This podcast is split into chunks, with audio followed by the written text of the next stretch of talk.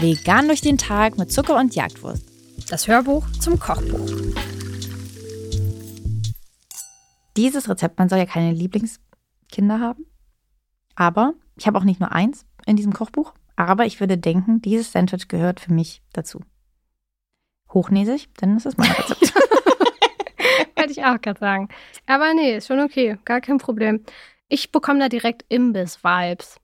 Ja, also es gab Inspirationen von allen Ecken und Enden. Natürlich beim Belag geht natürlich stark ein kleiner Döner-Vibe umher. Ja.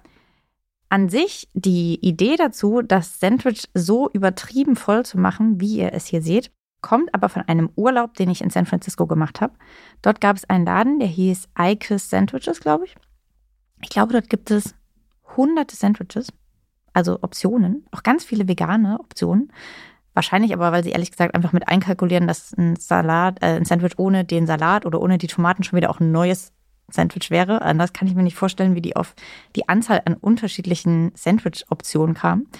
Aber dort hatten die auch so krank große Sandwiches. Und das wollte ich super, super gerne machen, denn so ein belegtes Brot ist schön und gut. Aber wenn ihr das hier zubereitet, werdet ihr euch fragen beim Belegen, ob wir nicht irgendwas mit den Zutaten Mengen verballert haben. Aber das haben wir nicht. Also das heißt, wenn ihr nachher euer Baguette halbiert und die Sachen drauflegt, dann soll das so sein, dass ihr einen riesengroßen Berg an Zutaten drauf habt. Da legt ihr den oberen Teil vom Baguette drauf und dann wickelt ihr das Ganze einmal richtig ein, damit das gut zusammenhält. Ein kleinerer Tipp wäre auch noch, dass ihr unten von der Unterseite vom Brot ein bisschen was aushöhlen könnt. So könnt ihr nämlich ein bisschen Platz schaffen im Baguette. Aber danach habt ihr wirklich ein so dickes Baguette. Es ist wirklich ausreichend, wahrscheinlich sogar.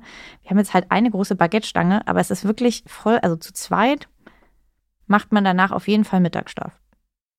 Mhm, ja, das klingt Aber das ordentlich. ist schon dolle.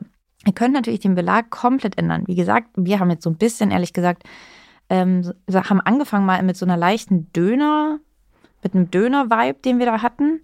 Wir nehmen Räuchertofu zum Beispiel, der hauchdünn am besten aufgeschnitten wird, dann mit sehr vielen Kräutern äh, vermengt und am Ende knusprig angebraten wird. Dazu kommt ein Berg an Rotkohlsalat. Das heißt, der wird gleich ein bisschen angemacht mit veganer Mayonnaise, Apfelessig und Senf.